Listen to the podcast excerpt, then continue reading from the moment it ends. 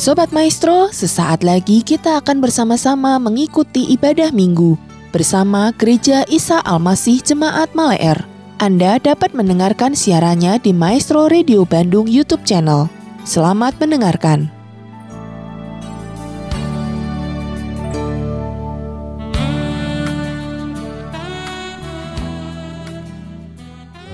Terima kasih Tuhan. Roh Kudus Kau hadir di tengah-tengah kami saat ini. Ya Roh Kudus, Kau hadir. Roh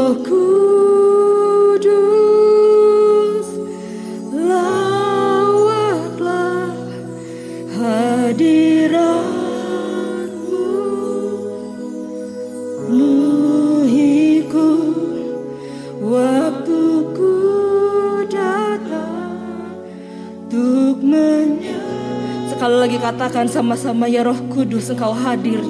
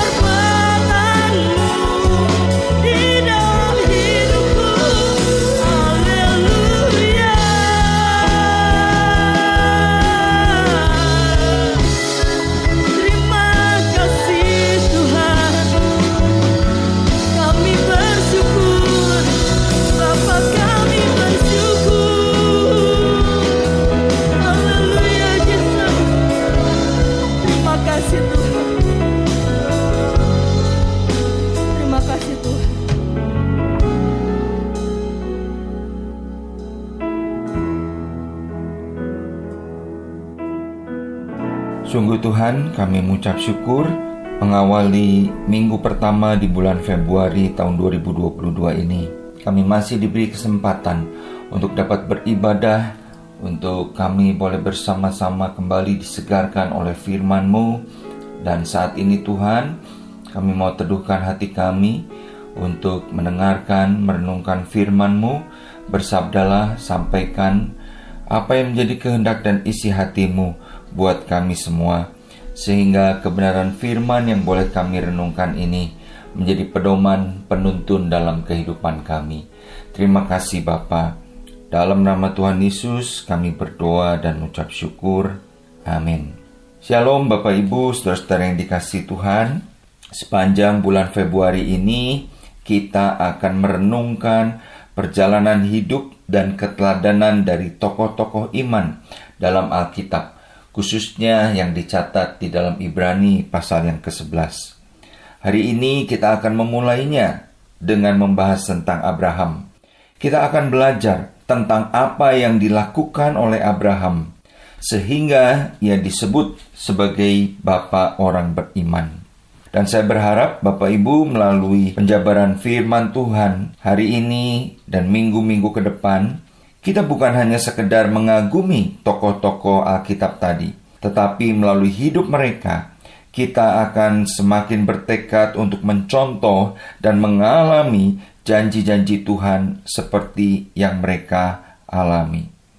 Belajar dari kehidupan Abraham, kita akan mengambil referensi dari Ibrani pasal 11 ayat yang ke-8 sampai dengan 19 yang mana ayat-ayat ini merupakan ringkasan dari perjalanan hidup Abraham yang dicatat dari kejadian mulai pasal 12 sampai kejadian pasal yang ke-25.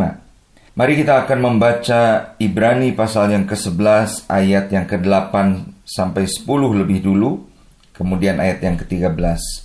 Karena iman, Abraham taat ketika ia dipanggil untuk berangkat ke negeri yang akan diterimanya menjadi milik pusakanya. Lalu ia berangkat dengan tidak mengetahui tempat yang ia tujui. Karena iman, ia diam di tanah yang dijanjikan itu seolah-olah di suatu tanah asing, dan di situ dia tinggal di kemah dengan Ishak dan Yakub yang turut menjadi ahli waris janji yang satu itu. Sebab ia menanti-nantikan kota yang mempunyai dasar yang direncanakan dan dibangun oleh Allah. Ayat 13, dalam iman mereka semua ini telah mati sebagai orang-orang yang tidak memperoleh apa yang dijanjikan itu. Tetapi yang hanya dari jauh melihatnya dan melambai-lambai kepadanya, dan yang mengakui bahwa mereka adalah orang asing dan pendatang di bumi ini. Bapak Ibu, saudara-saudara yang dikasih Tuhan, ketika kita ditanya, apakah kita orang yang beriman kepada Tuhan atau masihkah kita percaya kepada Tuhan? Saya percaya bahwa sebagian besar dari kita akan berkata, "Iya, pasti dong, saya adalah orang yang beriman. Saya adalah orang yang percaya kepada Tuhan."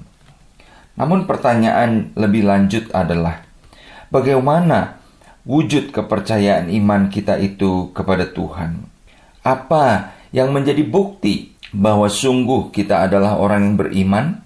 Nah, dari ayat-ayat yang tadi kita baca, kita akan belajar tentang perjalanan hidup Abraham yang menunjukkan iman atau percayanya kepada Tuhan. Pertama, Bapak Ibu, iman itu responsif atau cepat tanggap terhadap apa yang Tuhan firmankan. Dari ayat-ayat tadi kita melihat bahwa Abraham taat atau segera bertindak pada saat ia dipanggil untuk pergi ke tempat yang tidak ia ketahui. Nah, Bapak Ibu, Abraham taat saja ketika Tuhan memerintahkan untuk dia pergi, meskipun hal itu tidak masuk akal. Mari, Bapak Ibu, kita membayangkan kalau kita pergi ke suatu tempat di mana kita tidak tahu apa-apa tentang tempat itu, dan kepergian kita itu bukan hanya untuk satu dua minggu berlibur ke sana, tetapi kita pergi ke sana dengan menjual semua harta kita, semua aset kita, karena kita bertekad untuk tinggal menetap di tempat tersebut. Bapak Ibu, saya percaya hal itu membutuhkan keberanian dalam diri kita untuk percaya seperti apa tempat yang akan kita tinggali kelak. Atau kita percaya siapa yang berjanji untuk menampung kita atau menerima kita di tempat tersebut. Nah, Bapak Ibu, itulah yang dilakukan Abraham. Abraham meresponi panggilan atau perintah Allah tanpa ragu karena ia percaya bahwa Allah berdaulat atas kehidupannya. Itulah iman Bapak Ibu. Hal yang sama kita lihat juga pada saat Abraham diminta oleh Tuhan untuk mempersembahkan Ishak anaknya. Kita bisa baca kisahnya di dalam kejadian pasal yang ke-22. Bagaimana Tuhan memerintahkan kepada Abraham untuk membawa anaknya lalu mempersembahkan sebagai korban bakaran di Gunung Moria. Dari ayat ini kita melihat Abraham bangun pagi-pagi dan pergi. Dia meresponi perintah Tuhan itu dengan segera. Saya percaya Bapak Ibu tentu ada pikiran yang berkecamuk di dalam diri Abraham tentang hal tersebut. Bagaimana mungkin Allah itu meminta Ishak anaknya untuk dipersembahkan?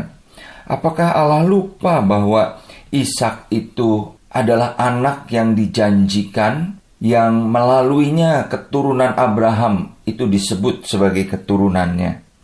Tetapi Bapak Ibu Ibrani 11 ayat 19 menyimpulkan hal yang indah tentang respon Abraham terhadap perintah Tuhan tersebut.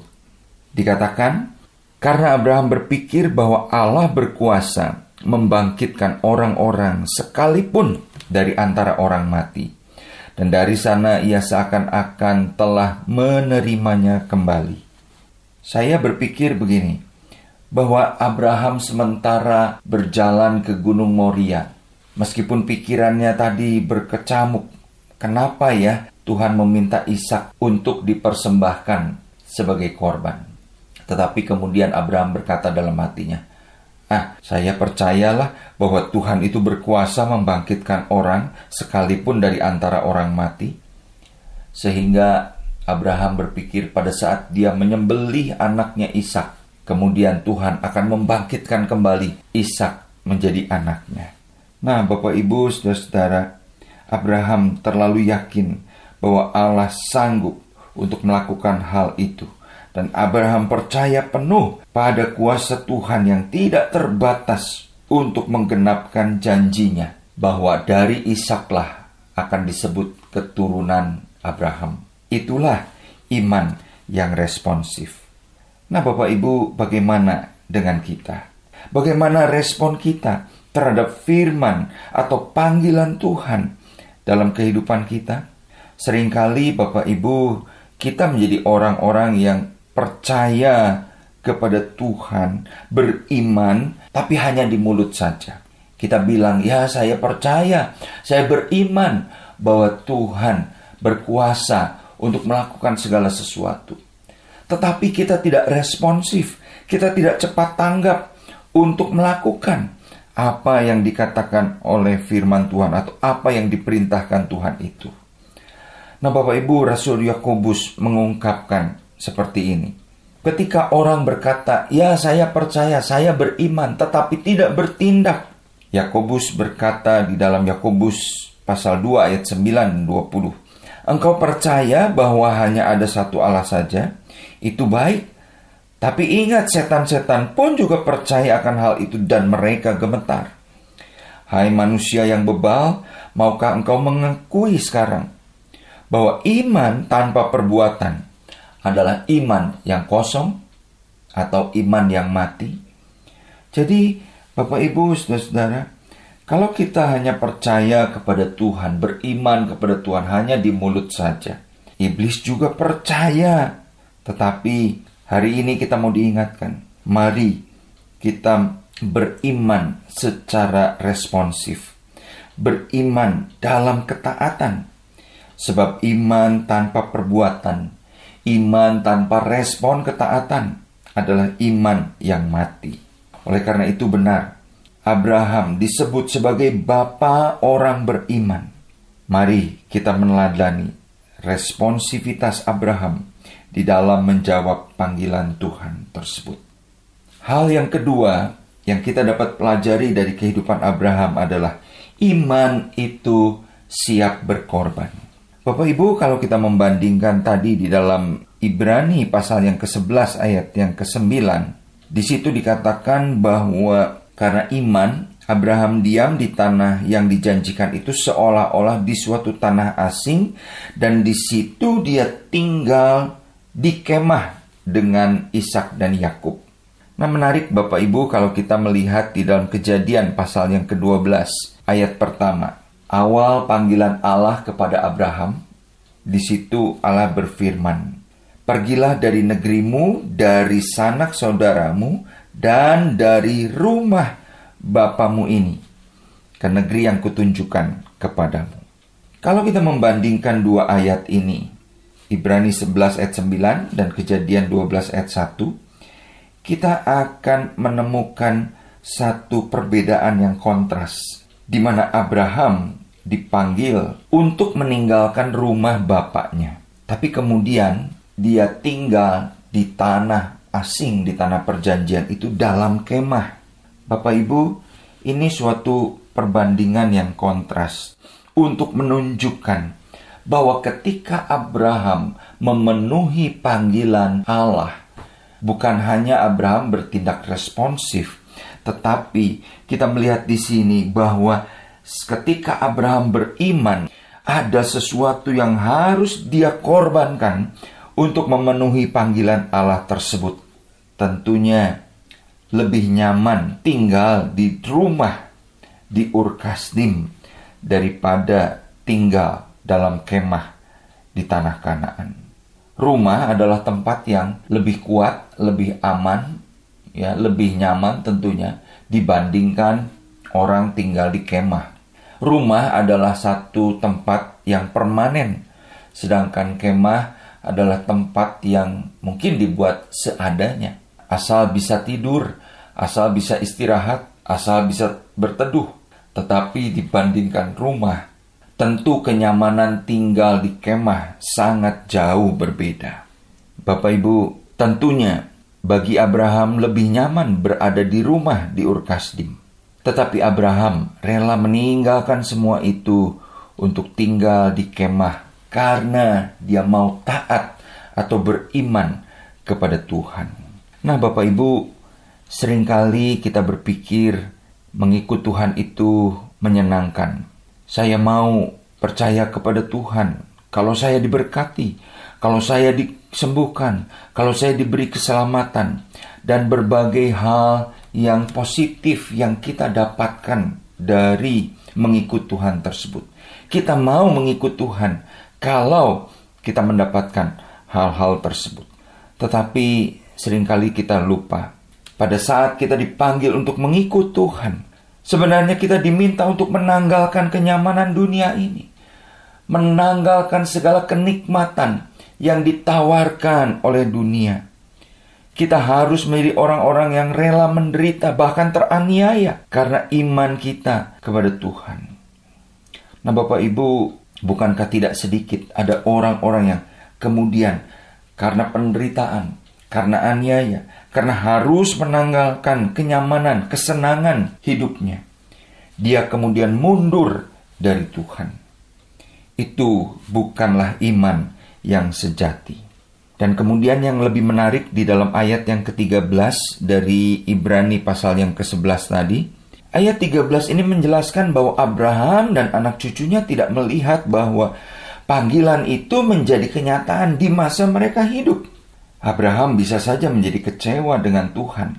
Lalu dia berkata, "Ah, udahlah, daripada saya menghabiskan waktu di sini, lebih baik saya kembali ke Urkasdim." Tetapi Bapak Ibu, kita melihat Abraham tetap hidup dalam panggilan Tuhan dan dia puas ikut bersama Tuhan, memenuhi panggilan Tuhan, meskipun dia tidak melihat janji bahwa tanah perjanjian itu akan menjadi miliknya. Itulah Bapak Ibu, iman yang siap berkorban. Bapak Ibu Saudara-saudara, jika Abraham bisa rela dan taat untuk mengorbankan segalanya dan mempercayai bahwa Tuhan menyediakan sesuatu yang masih tidak jelas, yang masih dikatakan melambai-lambai. Mereka hanya melihat dari jauh. Bukankah seharusnya kita lebih lagi memiliki iman, bahkan iman yang siap berkorban demi warisan surgawi yang telah diberikan kepada kita yang telah dijanjikan kepada kita dengan sangat jelas melalui firman Tuhan. Bapak Ibu, saudara-saudara, melalui firman Tuhan ini, mari kita refleksikan kehidupan kita.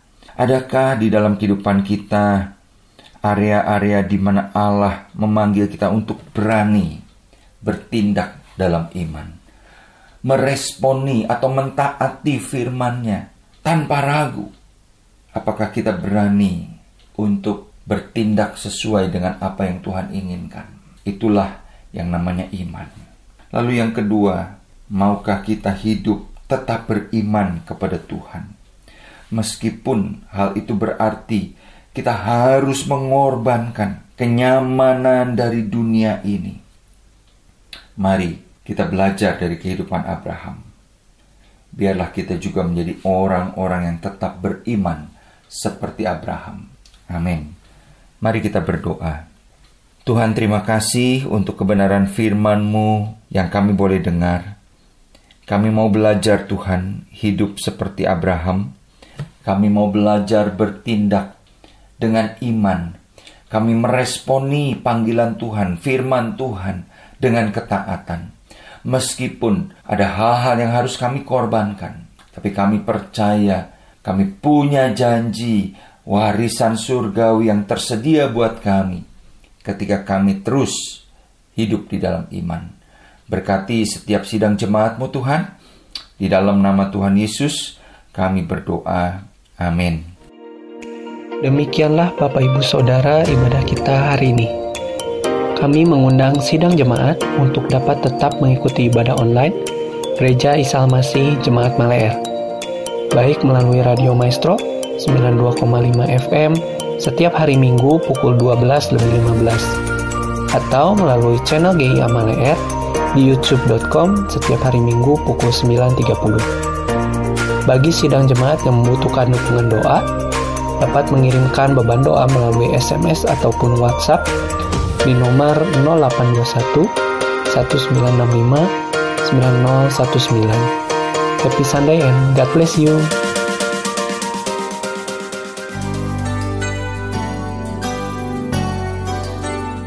Sobat Maestro, Anda baru saja mendengarkan ibadah minggu bersama Gereja Isa Almasih Jemaat Maleer. Anda dapat mendengarkan siaran ulangnya di Maestro Radio Bandung YouTube channel. Terima kasih atas kebersamaan Anda. Selamat hari Minggu dan Tuhan memberkati.